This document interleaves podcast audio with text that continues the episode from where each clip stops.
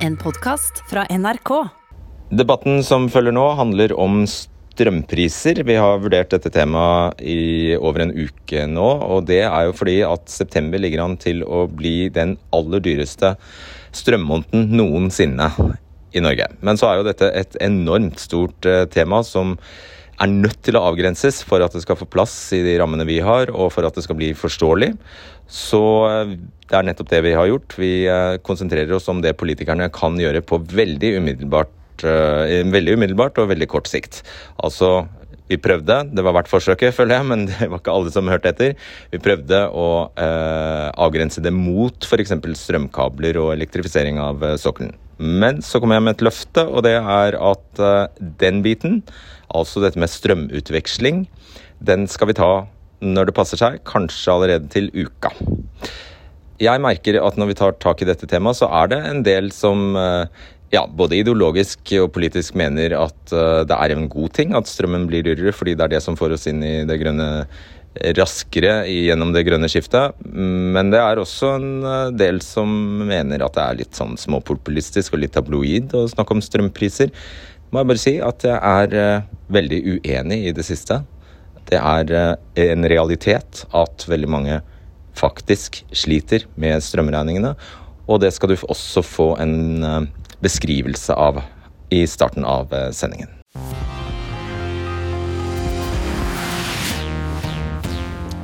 Strømmen har aldri vært dyrere enn den er nå. Det settes eh, nye rekorder omtrent hver dag i et år med uvanlig høye strømpriser. Og nei, strømkostnadene er ikke utenfor politikernes kontroll. F.eks. de politikerne som sitter i Hurdal og sonderer seg akkurat nå. De kan gjøre noe hvis de vil. Men vil de? Velkommen til eh, Bjørnar Moxnes, eh, partileder i Rødt. Velkommen Kari Henriksen, Arbeiderpartiet. Ketil Solvik-Olsen, Frp. Og Ola Elvestuen fra Venstre. Hvem her la oss ta en runde på det, hvem her vil gjøre noe politisk med de høye strømprisene nå som kulda setter inn? Opp med en hånd. Ja, du ja, du skal få utdype, Elvestuen. Og nå, før vi setter i gang, nå vet jeg at uh, det er mange som tenker at det er få i Norge som ikke har råd til å varme opp boligen sin på vinteren, og at uh, det må være mulig å legge av penger når strømmen er billig. Men faktum er at det også i Norge er mange som bruker over 10% av inntekten på energi, og som gruer seg til den sesongen vi skal inn i. Torjus Lunder Brevold, velkommen til deg. Du har skrevet en masteroppgave ved Universitetet i Oslo om den gruppa som jeg eh, egentlig eh, omtalte her, som du kaller energifattige. Altså Det er nordmenn som rett og slett sliter med strømregninga. Mm. Uh, og For ordens skyld skal jeg også opplyse om at du er ansatt i Miljøpartiet De Grønne, men det er jo ikke derfor du er her. da. Mm. Du har intervjuet 17 husstander i Oslo og Fredrikstad. Hvem er de energifattige? Dette er eh, folk eh, i alle aldre, men eh, typisk så er det lavtlønnede, minstepensjonister og folk som er avhengig av støtte fra Nav. Ja. Mm. Er det riktig da å si det er de som allerede sitter nederst ved bordet? Ja, det kan man si. Mm. Mm. Og hva gjør de for å klare seg når strømregningene vokser med ja, Vi har hørt skrekkeksempler på 3000 kroner ekstra i måneden. De føler jo at det er eh, et, eh, enormt, eller et lite handlingsrom for dem til å gjøre noe med det. kort sagt så er det jo eh, strømprisen og utetemperaturen som påvirker strømregninga deres i noen stor grad. de kan ikke gå på butikken og handle First Price strøm, sånn som man kan spare med andre ting. så det de gjør, er å prøve å spinke og spare der de kan. det innebærer ofte at de Eh, kutter strømmen, eh, nei, kutter oppvarming eh, og andre ting som tar strøm. De kan gjemme seg under dyna og heller bo der, for å, i stedet for å bruke penger på oppvarming. I tillegg så kan de ta på seg ytterklær og bruke stearinlys som oppvarming.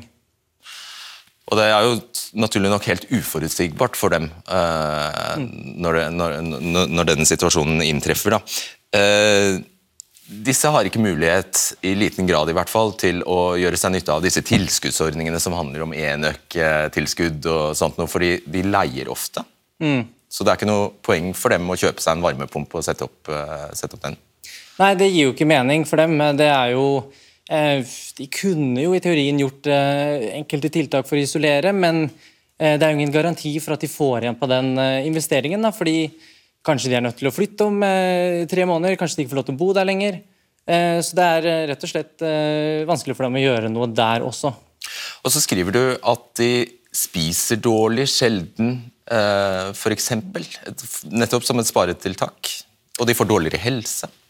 Ja, det, eh, det, er jo rett og slett det de kan gjøre, er å spare på andre områder. Strømregninga eh, blir høyere gjennom vinteren. Eh, og da gjelder det rett og slett for dem å kutte på alle andre mulige måter. Rett og slett fordi det er så vanskelig eh, eh, for dem å kutte Eller øke da kjøpskraften sin på andre måter. Vet du hvor mange de er? Eh, det finnes det ikke noe tall på i Norge. eller det finnes et par rapporter, men det er litt sånn sprikende. og Det er ikke gjort noe forskning på dette i Norge. Hm. Ble du overrasket over det du fant? Ja. Det var verre enn jeg trodde. Det var det. Tusen takk skal du ha. Og En viktig påminnelse om at eh, sånn er det også i Velstands-Norge. Dere er jo alle veldig opptatt av eh, å, å, å sikre, sikre eh, forutsigbare rammevilkår for bedrifter og for næringsliv. Det snakker dere ofte om. Men når det gjelder privatpersoner og husholdninger, da er det helt greit at strømregninga plutselig fyker opp med 3000 kroner i måneden. Eller? Nei, det er ikke greit. Men det som er minst greit, det er at vi har en voksende eh, andel mennesker i dette landet som er i den kategorien som Brevold snakker om. Og Det handler om fordelingspolitikk og omfordelingspolitikk. Og Vi kan ikke ha det sånn i Norge at vi med den ene hånda skaper flere milliardærer og flere fattige, og samtidig så skal vi klage på at noen får utfordringer med strømregninger. Vi må se dette i en helhet. Vi må sørge for at den økonomiske politikken bidrar til at de som har i dag fått minst kjøpekraft, Altså Det er eh, flere mennesker i dag som har fått dårligere kjøpekraft, mens de aller rikeste har fått mange flere penger. Det er ikke sikkert at, Jeg tror egentlig ingen er uenig med, med deg i det du sa nå. så Nøyaktig hva er Arbeiderpartiets Men, tiltak? Ja, Arbeiderpartiets tiltak er å sørge for en politikk som fordeler pengene på en annen måte. Sånn, vi vil ha åtte av ti skal få lavere skatt med oss.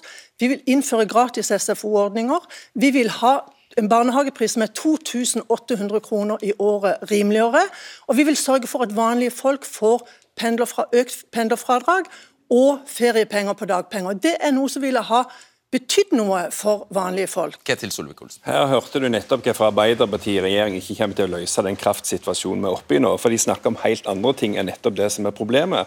Vi bruker for mye strøm, det er for lite tilgang i markedet. Det gir ekstremt høye priser. Da må vi heller se på å bygge ut mer vannkraft, oppgradere den vannkraften vi har. Det er det viktigste. Så må vi ikke holde på Det høres ikke ut som et strakstiltak, du. Nei, det vet jeg, så la meg ta det. Så må vi la være å bygge ut, eller elektrifisere norsk sokkel. Ikke det, det heller. Med strøm. Og Så kan vi gjøre ting som virker med en gang. Vi kan ta vekk elavgiften, vi kan fjerne momsen på strøm. Staten har råd til det nå med de ekstrainntektene han får fra kraftsektoren. Dermed hadde du i hvert fall bidratt eh, noe. Og så kunne du gitt økt bostøtte nettopp til de som rammes. Da er det veldig målretta. Takk skal du ha. Eh, bare før du, før, før du, svarer, Elvesund. Elvestuen. Vi har også blitt kontaktet av mange som bekrefter det at de sitter hjemme, skrur ned temperaturen til 15 grader, de sitter og, og, og fryser. Hva er ditt, dine strakstiltak for dem? Det er det siste som kom. Dette er en akutt situasjon eh, akkurat nå med høye priser. og Særlig hvis du nå får lite nedbør, du får tidlig frost, så vil det kunne bli høye priser over lengre tid. Da må vi ta vare på de som har det vanskeligst. Økt bostøtteordning er én måte, det har vi gjort tidligere. Vi gjorde det vel senest nå i fjor vinter. og Vi har gjort det tidligere også, også med den metoden. Ikke elavgift og, og momskutt? Du må se på, Da er det over i budsjettet for neste år. Det må være en vurdering som et storting skal gjøre. Strakstiltakene det handler om bostøtte, målretta tiltak som må, som må, leveres på budsjettet for i år, og ikke gå over til neste år. Da vil det være for seint. Hva vil du gjøre? Nei, Vi har jo pressa på tidligere vi, for å få eh, økt bostøtte når det har vært nødvendig når det har vært høye strømpriser. Så Der er vi enige med Fremskrittspartiet og Venstre. Eh, også å få kutta i elavgifta og momsen vil være helt avgjørende. Men i tillegg så er jo driveren bak økt strømpris det er jo ikke avgiftene. Det er at disse kabelkameratene her har kobla seg tettere på det europeiske markedet. Og om en uke skal de åpne en ny, en ny, kabel om en uke. Ja. Til England. Eh, de skal eksportere kraft som, som altså hakka møkk, når vi altså har veldig, veldig lite magasinfylling i, i, magasinene våre. Så vi må altså få straks begrensa eksporten av kraft for å få holde prisene våre nede og for å sikre at folk kan betale strømregningene eh, i årene framover. Det er helt avgjørende at vi slutter å sende krafta ut av landet vårt, men heller sikrer billig kraft billig strøm til husholdningene og industrien her i Norge. Jeg skal kommentere det aldeles straks, dette med eh, kabler, eh, men vi lar det bli siste ord akkurat i den aller første runden. For nå skal vi se, vi må jo vite hvor høy kraftprisen egentlig er. Og da skal vi få hjelp av Marius Holm Rennesund, som er partner i Tema Consulting Group. Velkommen til deg. Takk for det. Uh, ja, her ser vi en graf fra Statistisk sentralbyrå som eh, strekker seg tilbake til 2015. Uh, eh, altså utviklingen i kraftprisen. og Vi ser det går litt opp og ned. og Så ser vi at det var lavt i fjor. Og så stanser denne her i andre kvartal 2021, altså i sommer egentlig. da. Jeg tror vi skal få opp en ny graf som bedre viser hva som har skjedd i år. For det er jo det som har vært såpass dramatisk. Her er eh, det ikke, kron, eh, her er det ikke øre, men her er det euro per megawatt-time. Så du kan starte med å forklare oss hva denne viser oss. Ja, Det vil eh, si eh, ca. 80 øre per kilowatt-time for folk flest i, i Oslo-området her. Eh, så vi har hatt en kraftig oppgang gjennom året i år. Ja, og, Men så ser vi jo at det var jo veldig veldig lavt i, i fjor. da. Eh, så hvis man er litt flink med husholdering, så har man satt av disse pengene. Så ja. man klarer den regninga der. Ja, det endrer seg fort. Vi hadde et veldig vått år i fjor som ga veldig lave priser. Vi hadde til og med perioder hvor vi hadde nullpriser i eh, Norge for første gang. Og så har vi hatt et veldig tørt år i år, eh, hvor prisene har gått i været. Ja, fordi Det har skjedd noe de siste, alle tre siste månedene. Som, da har det virkelig skutt i taket. Hva er det som har skjedd da? Nei, vi har, eh, for det første hadde vi en kald vinter hvor vi brukte mye strøm til oppvarming. og Så har sommeren vært eh, tørr, og det har også begynnelsen av høsten vært. Så vi har lite vann å produsere kraft for. Eh, I tillegg så har det vært eh, lite vind i Europa, eh, og da må man produsere mer av kraften i Europa basert på gass og kullkraft. Men jeg husker at jeg satt i sommer og leste, leste artikler om at vannmagasinene ble tømt. Ja, man tappa ned magasinene på normal måte, fordi man regna med at man vil få nedbøren utover vinteren, og det var rasjonelt gitt det man visste på den tiden. Så, det er jo helt uansvarlig? Nei, Man eh, bruker de, eh, de opplysninger man har til enhver tid. Eh, og ingen visste at det ville bli så tørt som det har blitt nå, når de satt og gjorde de beslutningene for et år siden. Så Derfor er vi i en situasjon hvor magasinene er tommere enn normalt for årstiden. Ja, Men smekken får jo vi da, i form av høyere kraftpris. ikke sant? Hvordan ser dette ut i Europa? For det, her, det er slett ikke verst i Norge. Nei, det er mye høyere priser ellers i Europa. Eh, og Det betyr jo også at vi ikke får noe hjelp derfra med, med billig import eh, i dag. Eh, og ellers i Europa, når, for dette er kjempedramatisk, f.eks. i Storbritannia hører vi om faktisk, jeg leste her, her i sted, en kraftpris på omregnet til norske kroner per kilowattime 47 kroner på det verste. I enkelttimer så, så, har prisen vært så høy i, i England. Helt ekstremt. Hvorfor er det så ille akkurat der? Det skyldes for det første at det har vært eh, lite vind. Så er det at kjernekraft de har hatt problemer med. Eh, og Det betyr at de må fyre opp eh, dyre gasskraftverk i en periode hvor gassprisen er fem ganger så høy som den var for et år siden. Men Hva gjør politikerne der da for å bøte på problemet, fordi de har vel samme diskusjon der? Ja, nei, Der lar de fortsatt markedet virke. Eh, og Det betyr jo også at man får et insentiv til å, til å spare. Eh, så, eh, så, der har de ikke grepet inn i markedet på, på noen måte. Jeg gjør det ikke det, nei. nei. Så der er det, der er det forbrukerne som får, ta, får, lære på en hard måte, da, får man si. Hvor stort handlingsrom har politikerne hvis de vil gjøre noe med denne prekære situasjonen? Nei, I dag så er det ikke noen fare for at vi ikke får strøm i kontakten. Eh, så det å gripe direkte inn i, i markedet Vi har et felles europeisk eh, kraftmarked, f.eks. ved å, å, dra ned på eksporten til utlandet. Eh, det er nok vanskelig med, med EØS-avtalen. Det var den EØS-avtalen igjen, ja? ja. Så, så, handlingsrommet de har, er jo eh, på kort sikt er jo avgiftspolitikken, bostøtte osv. Eh, det er vanskelig å gripe inn direkte i markedet. Akkurat. Når man først har kommet seg inn, så er det vanskelig å komme seg ut. omtrent. Tusen takk eh, skal du ha, Marius Rennesund. Og Du skal bare bytte plass med Håkon Barstad, som er journalist i nettstedet Europower Energi. Vi skal straks høre fra deg, Barstad. Følg med nå, politikere. Jeg skal gjøre oppmerksom på en sak før vi fortsetter. Når vi snakker om strømpriser, er det veldig mange der hjemme nå som peker på utenlandskabler, elektrifisering av sokkelen, grådige kraftselskaper, vindkraft, ACER. Vi syns også dette er veldig viktige temaer. Så, så, viktig faktisk at vi innser at vi ikke vil få plass til alt dette her i denne ene sendingen. og Derfor så skal vi invitere til en egen debatten om det jeg nevnte nå. Kanskje allerede til uka. Men i kveld, vær så snill, jeg oppfordrer dere, eh, konsentrerer vi oss om det dere kan gjøre helt umiddelbart.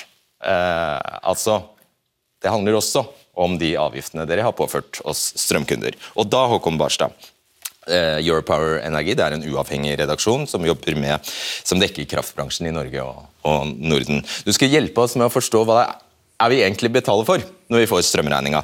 Eh, og du har regnet på hvor stor del av strømregninga som går til eh, selve strømmen, til nettleie og til avgifter til staten. Her ser vi oversikten. Hva er det den forteller oss i veldig grove trekk?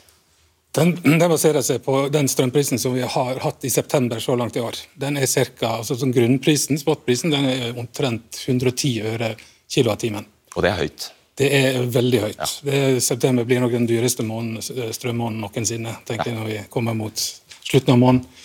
Eh, så eh, det, må, det, det man, må, man må betale i spotten, men så kommer jo avgifter, eh, nettleier og, eh, og, påslag og slike ting. Så ut til forbruker så ender man på ganske nøyaktig to kroner per kilowattime eh, som forbrukeren må betale. Det er heftig, og i ditt eksempel så gir det en totalregning på om lag 2000 kroner. og Hva, hva slags familie er det? Altså, det, tar et utgangspunkt i et forbruk på ca. 1000 kWt den måneden. Og Det er i september. Det er fortsatt varmt i lufta, så det er helt normalt strømforbruk i en leilighet eller en villa. Men det er ikke en tibarnsfamilie? Uh, det kommer an på ja. Men er, jeg har skjønt at det er fire, fire, fire ja, altså, jeg, jeg, september på 2000 kroner, det, jeg tror jeg mange kommer til å oppleve. Yes. Um, så ser vi altså 2000 kroner er totalen her. Vi ser at um, ja, om drøyt halvparten, 1183 80 faktisk, går til selve strømmen pluss påslaget, som da er egentlig det strømselskapet lever av. Ja. Eh, påslaget. Så over halvparten går til selve strømmen. Men så ser vi 580 kroner nesten er avgifter. og det vil Si nesten 30% av regningen. Ja, det er, jo sånn. altså, det, kommer, det er ikke en overraskelse at eh, vi har moms her i landet. Vi betaler moms. Eh, men når strømprisen er veldig høy, så, så drar jo staten inn veldig store inntekter på, eh, på momsen. Så altså, På den strømregninga på 2000 kroner, som den litt fiktive strømregninga vi har satt opp her, da, ja, ja. Eh, er, da eh, får man staten ca. 400 kroner i momsinntekter. Bare i momsinntekter? Det er bare momsinntektene. Ja. Litt, litt, litt Grunnen til at vi satte opp det regnestykket, her, var at det er veldig mye snakk om uh, elavgiften. Det er det man prater om hele tida. Uh, men vi satte opp det regnestykket bare for å illustrere da, at momsen utgjør jo mye mer enn elavgifta. Momsen er 400, og Elavgifta er 170. Ja, la oss, eh, gå, la oss gå gjennom de eh, spesifikke eh, punktene under avgifter her. Det er altså moms på selve strømmen. Strømpris med MVA, altså ikke sant, merverdiavgift. Så er det moms på påslaget. Så er det moms på den månedlige avgiften og moms på nettleie, det de kaller energiledd. Så er det moms på nettleie fastledd, og så kommer først så kommer elavgiften som eh, da er på 166,90 i dette eksempelet. Og så, til alt, så er det moms på elavgiften. Ja, Det er jo artig. Eh, det er artig. Det er jo, Man snakker bare om at elavgiften er omtrent 16,7 øre per kWt, men reelt sett så er den 20,5 øre. Fordi at man, alle må jo betale moms på den. Så For meg så er det litt rart at man prater om det 16,7 øre når beløpet egentlig er 25 større. Um, ja. Uh, ja, tok, jeg måtte ta kontakt med Finansdepartementet eh, i dag for å høre om dette er helt særskilt og spesielt. Det er det ikke. Det er veldig vanlig eh, egentlig, at særavgifter som vi snakker om her, da, det kan være avgifter på alkohol, tobakk, sukker, biler eh, osv., får moms på toppen. Moms på avgift, altså avgift på avgift. Og Jeg tror jeg bare skal lese begrunnelsen her. for jeg går, går ikke god for den. Alle slike avgifter får moms på toppen fordi de har lagt på en vare-tjeneste som er merverdiavgiftspliktig, sier de bare. Forstå det den som kan. Uh, I ditt regnestykke så utgjør altså momsen 400 uh, kroner. Hva, og det, som du sier, så snakker vi ikke om det. Hadde det vært mulig å kutte den? Det vet jeg ikke, faktisk. Altså, vi vet jo at det, Som et eh, elbiltiltak så har man kutta eh, momsen på elbilene. Og, da, og, Det må godkjennes av ESA, som har, som har kontroll med EØS-avtalen. Så hvilke grep uh, politikerne kan gjøre sånn umiddelbart med å kutte momsen, det, det skal Nei, Det var i hvert fall mulig å innføre den, da. Så det er kanskje mulig å fjerne noe. Ja. Uh, og så bare til slutt her så ser vi at det kommer en Enova-avgift, som er ett øre per kilowattime. Ja. Ja. Skal komme tilbake til hva den uh, innebærer. Og så kommer det moms på eh, Enova-avgiften også. Ja, da. Ja. Er det noe du vil oppsummere her? Altså det, det, det, som er viktig med det regnestykket, her, altså det er gitt på uh, den strømprisen vi har akkurat nå. Det er veldig høy strømpris akkurat nå. Uh, altså Med mer normal strømpris så ville uh, tallene forholdt seg litt annerledes til hverandre. Så dette, det regnestykket er basert på den veldig eh, dyre strømmen som vi har akkurat nå. Da tar vi med oss eh, den fotnoten. Tusen takk skal du eh, ha. Ja.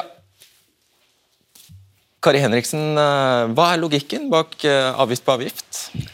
Jeg kan ikke svare på hvorfor det ble innført. Som du sier, så, så er dette sannsynligvis noe som er innført for lenge siden, og at det følger en en regel for innkreving av avgift. Syns det høres logisk ut?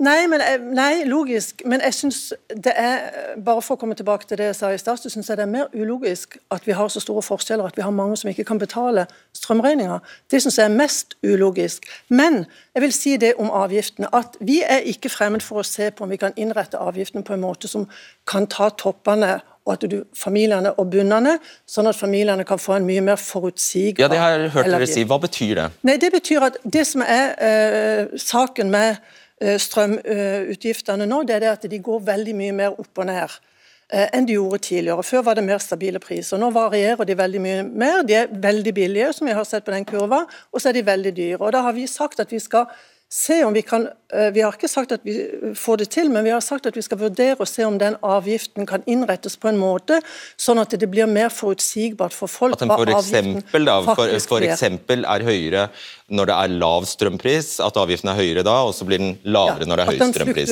Med prisen. Men jeg har bare lyst til å si noe mer om avgifter. Ja. for Noe av det som er viktig med avgifter også, det er det at de har en for, omfordelende effekt. For de som bruker mest strøm, de betaler da også mest i avgift. Mm. Og det kommer de som har dårlig råd også til gode. Så Det er viktig. Men det hjelper jo ikke de som fryser, da. Nei, det hjelper ikke de som fryser, men det gjør det at vi får et tak på forbruk. Og vi skal nå utslippsmål i 2050. og Da er det viktig også å ha insentiver for å få ned forbruket. Så det er i hvert fall Også for de som fryser. Også de som fryser. Ja, det er sikkert ganske provoserende å høre. Ja, men poenget Ja, det, det, skjønner jeg, Fredrik. Det skjønner jeg at det er provoserende å høre. Men poenget er jo at de blir eh, det blir vanskeligere for de å betale strømregningene fordi de ellers blir fattigere og fattigere når de har en borgerlig regjering som har, har styrt. Ja. Dere vil, er det sånn, forstå, dere vil kutte hele elavgiften? Som et strakstiltak nå for å avhjelpe nettopp alle de som sliter, så er jo elavgiften og, og momsen begge deler bør du fjerne nå. Staten får inn så mye gjennom eierskap i kraftsektoren at du har råd til å faktisk fjerne de avgiftene. Har du sjekket om det er mulig? Kan skjønne det. Altså, altså, alle som sier at dette er liksom noe som er utenfor politikernes eh, avstand Herman, det er jo, Politikerne vedtar jo dette. Hvis politikerne ville, så kunne de vedtatt det i morgen på Stortinget. Det handler bare om å ta den handlekraften. Men, men hører jo fra Arbeiderpartiet her at det er, det er andre målsetninger som gjør at de faktisk vil ha ned forbruk. og Da er høye priser et virkemiddel. Det som er utfordringen i Europa som, Jeg skal ikke snakke kraftlinje, jeg lover det. Men liksom, hva er det som er det underliggende problemet her? Jo, det er for høyt forbruk i forhold til tilgang. Europa skriker etter gass. Russerne holder tilbake gass. Vi burde økt eksporten av gass rett og slett for å få bedre balanse i markedet, men da bryter du igjen med klimapolitikken til de samme partiene. Så, så, dette er faktisk en politisk skapt situasjon med høye energipriser fordi de har hatt andre målsetninger som vi nå må betale for. Og rett før Moxnes får ordet her, så kan du bare bekrefte at eh, de det gikk bare én vei med elavgiften under eh, da dere både var støtteparti og satt i regjering. Det gikk oppover, ikke sant? Dessverre så fikk ikke Frp flertall for å kutte elavgiften. Vi gjorde det i det siste budsjettet, men dessverre ikke i hvert budsjett. Ok, Bjørnar Moxnes, hva, er, eh, hva, hva får du ut av et sånt regnestykke?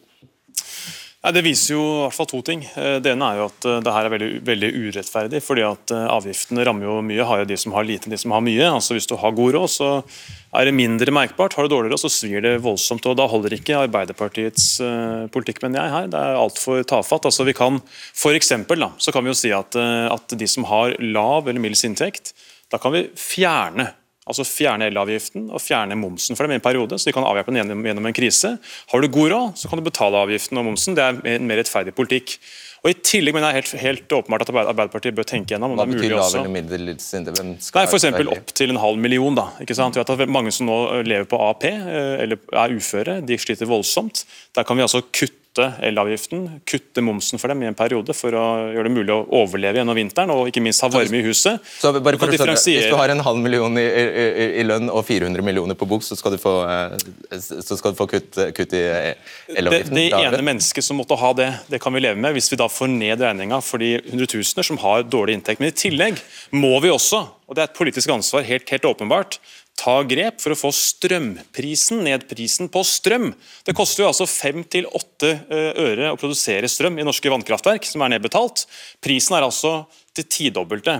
Da må vi også ta grep for å hindre mer strømeksport, for å få prisene på strømmen ned. Det vil også ha veldig mye å si for regninga for folk flest, at du får ned strømprisen i Men seg selv. Men ikke sånn i løpet av de neste månedene. Jo, du kan jo, du jo, du kan, du kan, jo, du kan instruere Statnett i morgen og si at gå ned på bruken av eksportkablene for strøm. Hvis du gjør det i morgen, vil du få en dramatisk kutt i strømprisen i overmorgen. Det kan gjøres hvis du vil. Vi her har et væravhengig energisystem.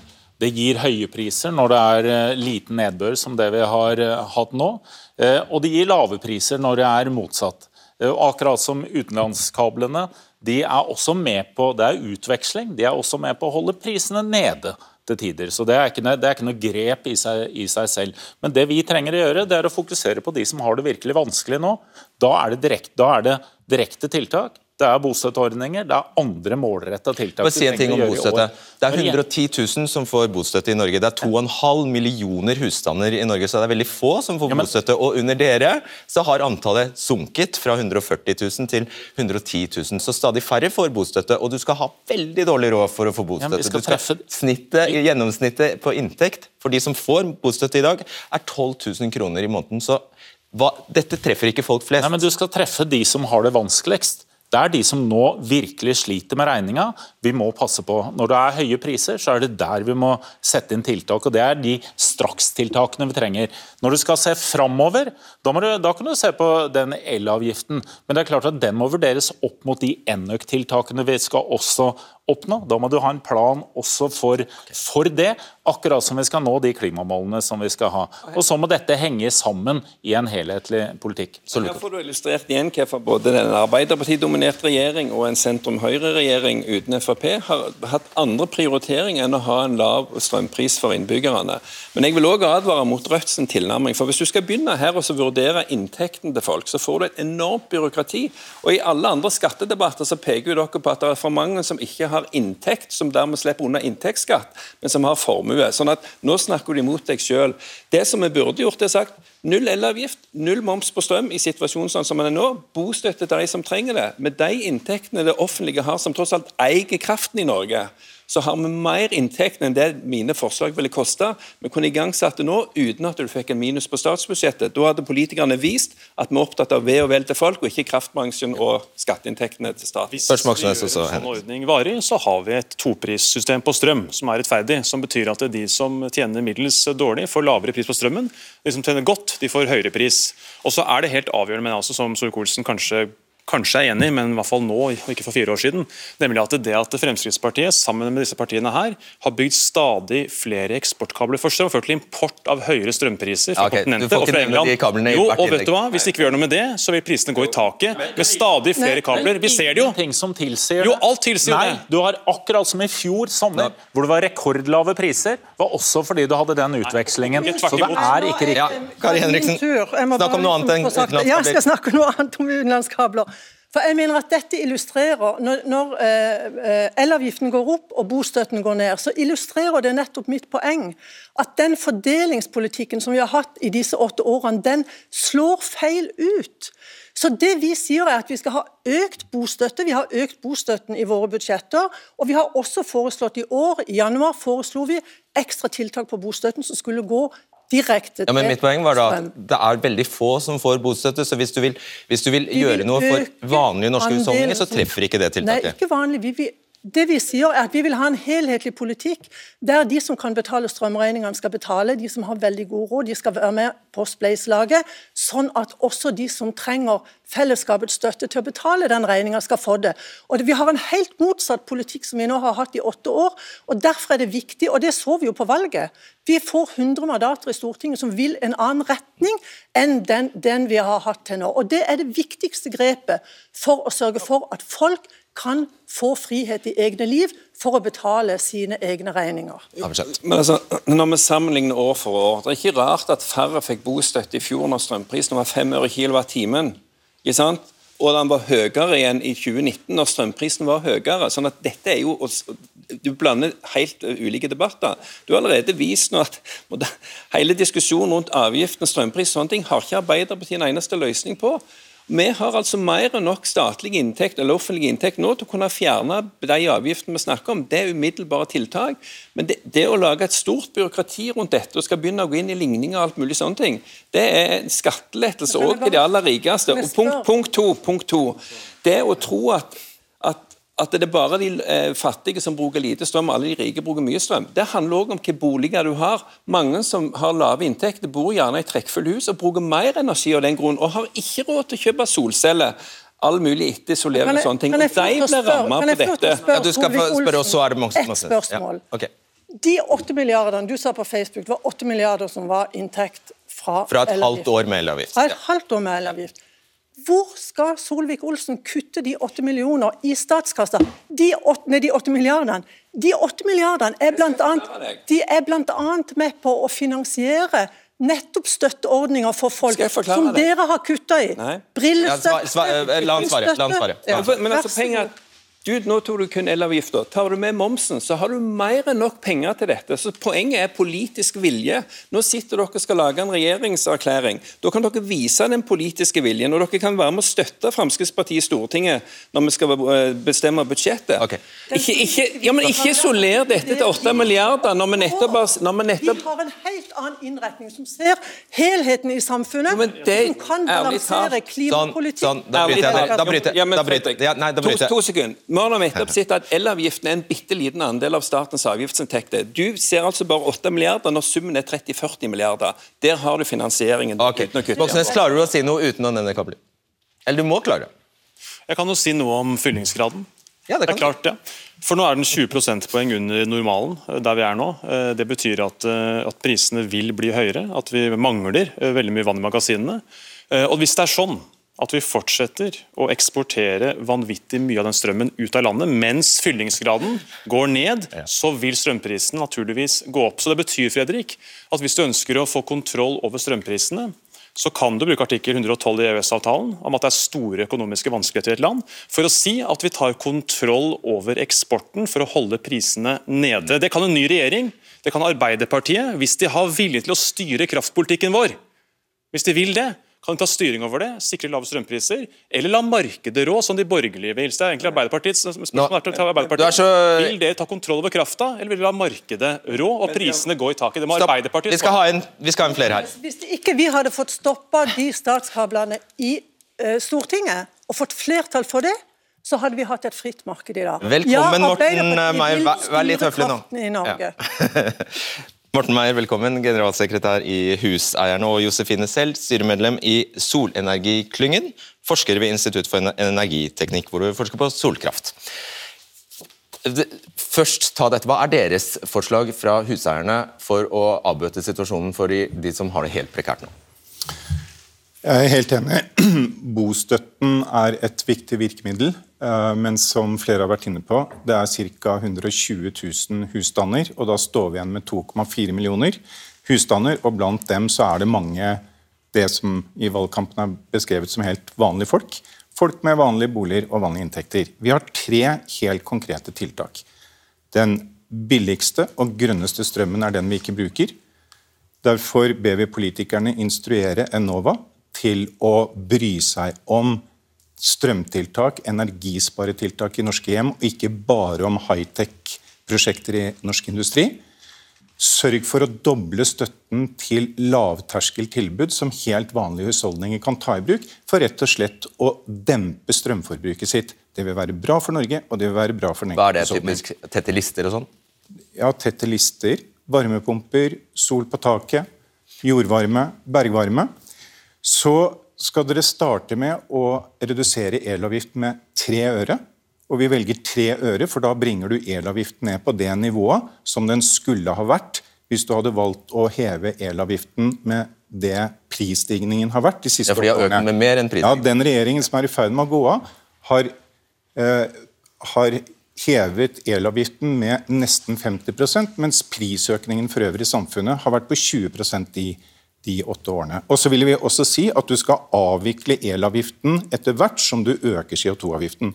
Og det siste er i et land hvor det er mørkt og kaldt eh, seks måneder i året, så kan vi se på strøm som en ganske viktig dagligvare. Og da kan du tenke deg å redusere momssatsen på alt som har med strømforbruk hjemme å gjøre, fra 25 til 15% ja, Tre konkrete tiltak som du kan gjøre ja. nå. Det er riktig at elavgiften har, har, gått opp, samtidig som vi også har økt støtten til Enova betydelig.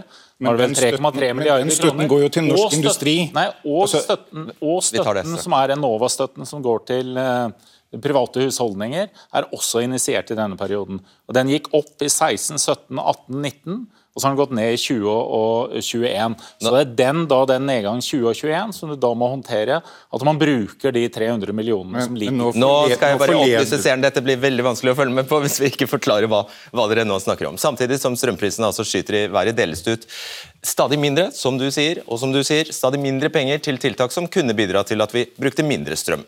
Hvert år er alle strømkundene, vi alle, er pålagt å betale sånn ca. 250 kroner i denne Enova-avgiften.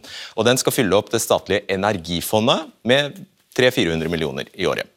Så er meningen at Enova skal dele ut disse pengene igjen, men det greier de faktisk ikke å gjøre. Det kuttes i stedet i veldig populære støtteordninger som bidrag til etterisolering, varmepumper, du nevnte det, gamle vinduer, installasjon av sol solceller osv. Og, og utbetalingene minsker utrolig nok. Mm. Ja. og Enova kunne ikke være her i, i kveld. Og da, Det er egentlig derfor du er invitert, Josefine selv. Fordi en del av støtten kunne ha gått til f.eks. å installere solcellepaneler, ikke sant? Ja, det kunne gjerne gått litt mer til å installere solcellepaneler, særlig når jeg hører debatten her i dag. fordi på meg virker det som det er et lite kinderegg som er fullstendig glemt. Eh, og sannsynligvis så er det fordi at det er litt mangel på kompetanse om sol bredt i Norge. Eh, Bl.a. fordi at utviklingen har gått så fort at det har vært vanskelig selv for bransjen å følge med. Men er det mulig for, Hvis du bor i et vanlig rekkehus, kan du, kan, er det bare å klaske opp et panel? og så... For de aller fleste hus så er det veldig enkelt. Hvis du bor i borettslag, så er det per dags dato litt vanskeligere.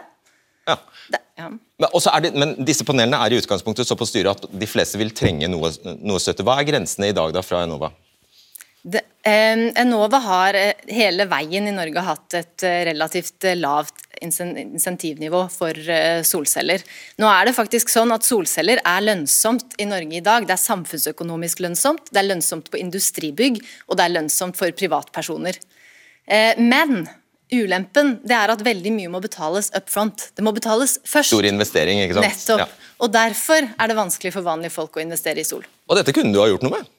Vi har gjort noe det vi innførte denne Enova-støtten. Den kom fra initiativ fra Stortinget. Vi har også gjort endringer sånn at du får mer solceller på, på næringsbygg. Og vi har ute på høring nå nettopp den barrieren som ligger i borettslag, hvor, hvor, det er vanskelig å dele. Så den er ute på høring nå, sånn at vi får mer installert i borettslag nå fra 1.1. Nå forleder Ola Elvestuen eh, seerne. Den vanlige norske husholdningen bidrar med 400 millioner kroner inn i Enova-fondet. Det skal bl.a.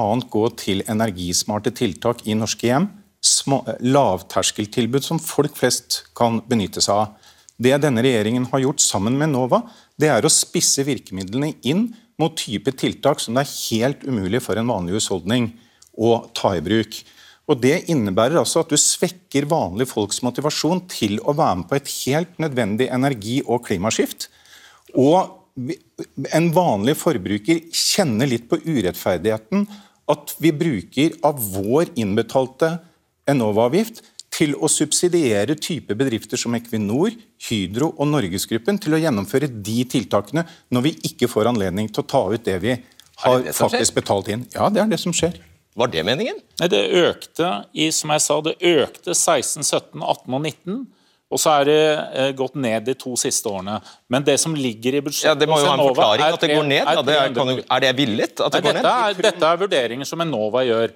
Boligeier i Troms og Finnmark har hittil i år fått utbetalt 1,5 million kroner fra Enova-fondet til tiltak for energisparing i, vår nordligste, i vårt nordligste fylke. Men da er det i dialogen med Enova at det må tas, for det er satt av 300 millioner. Det er, det, er, bare synd at det ikke kunne komme. Det, det, skjønner vi alle.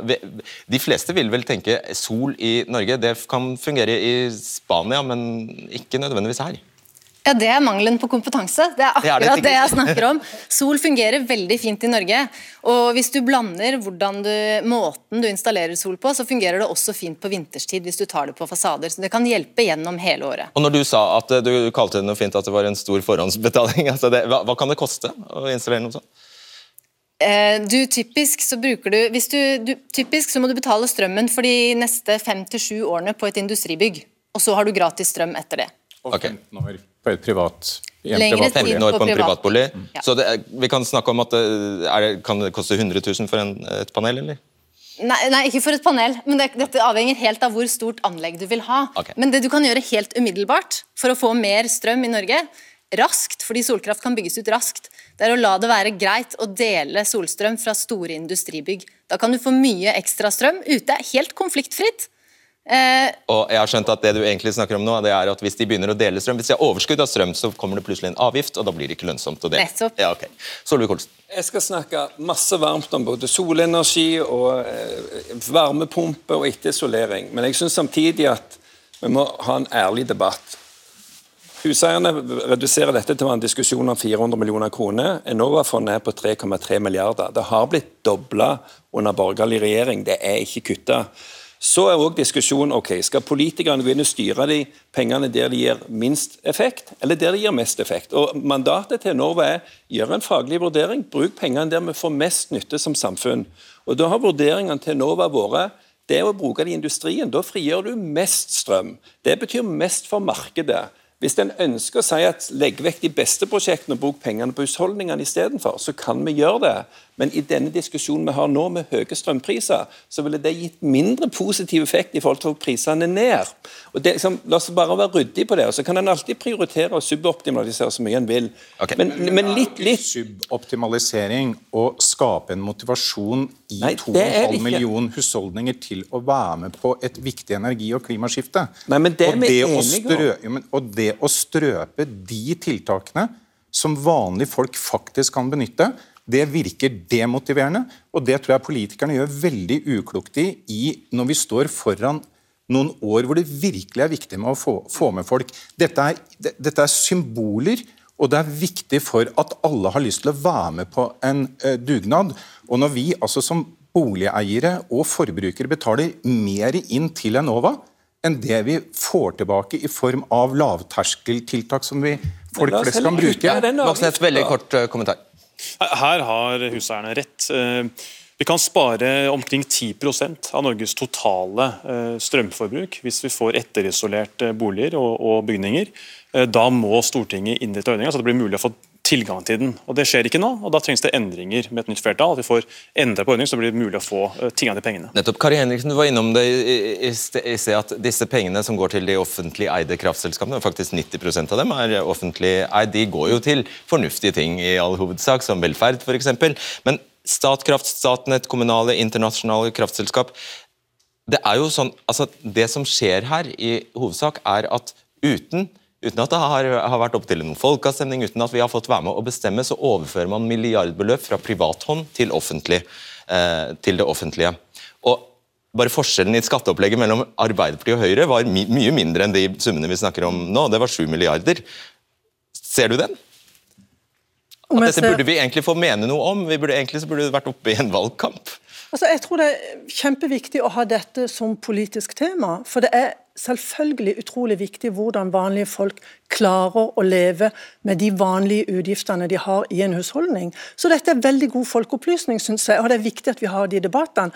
Og Jeg er jo helt enig med Huseinernes Landsforbund at når du skal se på tiltaksporteføljen, eller de tiltakene vi har for å nettopp få vanlige folk med på den reisa som handler om å gå inn i det, i det grønne skiftet, ja, så må vi gjøre tiltak sånn at helt vanlige folk kan forstå at for meg er det billig og billigere å få skifta de vinduene i huset mitt sånn at jeg kan bidra til dette grønne skiftet, istedenfor at de ja, men Det viktigste i grønne skiftet er vel ikke å gi folk en god følelse, det viktigste Nei. er vel å kutte? Ja, men det, ja, men det er, ja, det er å kutte. Ja, Hvis du gjør det mest effektivt i bedriftene, så gjør man det vel gjør, Nei, gjør man det, det er småpenger som virker som en katalysator for at mange vi, gjør bare, smarte tiltak og reduserer energiforbruket i hjemmet, og frigjør den energien til den store elektrifiseringen resten av samfunnet skal, skal gjøre. Vi skal ha en rettferdig omstilling til det grønne skiftet. Og Da må vi ha et Enova-virkemiddelapparat som funker, og som gjør det rettferdig. Og det vi sier er at det, Sånn som det er innretta nå, så er det feil innretning. Der er vi helt inne med den. Og så sier vi at vi skal øke bevilgningene til Enova. Okay, sånn at vi får mer tiltak til vanlige folk. Bevilgningene til Enova totalt sett er dobla, så denne debatten sporer av. Hvis vi virkelig skal se på hvordan kan vi holde strømprisene lave i, i framtiden, så må vi i hvert fall kutte elektrifisering av sokkelen. Det vil jo spise ja, mye mer enn det du kan få til fra Enova. Og Der er jo den gjengen her fullstendig på bærtur. Ja, dere er veldig ulydige i dag, altså. Vik Olsen har hatt uh, ansvar for jernbanen, for han har sporet av hele tiden. Nei, uh, jernbanen, nå må dere dere. Du skal, du skal skal få sitt ord. Det er jo mye viktigere å øke utbyggingen enn å redusere enn å, enn å sende av gårde kraft eller uh, redusere kablene til, uh, til, utlandet. Vi kan tjene penger på kraft. Vi har masse uutnyttet potensial som vi ikke bruker. La oss bygge det isteden. Okay. Ja, eh, fem sekunder. Du har bare det. Det vi trenger på solceller, når vi nå får denne ordningen i borettslag, er svenske tilstander. Dvs. Si at du kan ha større anlegg og fortsatt ha de fordelene som ligger der. Da vil du få en mye raskere utbygging. Det må være neste steg. Kjempeflott. Og jeg mente, tusen takk skal dere ha, alle sammen. Jeg mente det jeg sa i sted. Hvis eh, ikke noe uforutsett skjer, så tar vi en skikkelig runde til, eh, til uka om hva slags system dette strømutvekslingsopplegget som nå gir oss grisedyr strøm, egentlig er. Så hvis du har relevant informasjon, og da mener jeg relevant informasjon om strømkabler og tilliggende herligheter, da kan du skrive til oss. Bruke adressen debatten krøllalfa nrk.no. På gjensyn tirsdag. Takk for i kveld. Ja, bare gjenta den oppfordringen om at uh, du uh, kan bruke e-postadressen vår. Uh, stort sett så pleier jeg å legge ut på sendedagene, altså tirsdag og torsdag, på sosiale medier, på Instagram og Facebook, hva sendingen kommer til å handle om på forhånd. Det gjør jeg sånn på formiddagen en gang.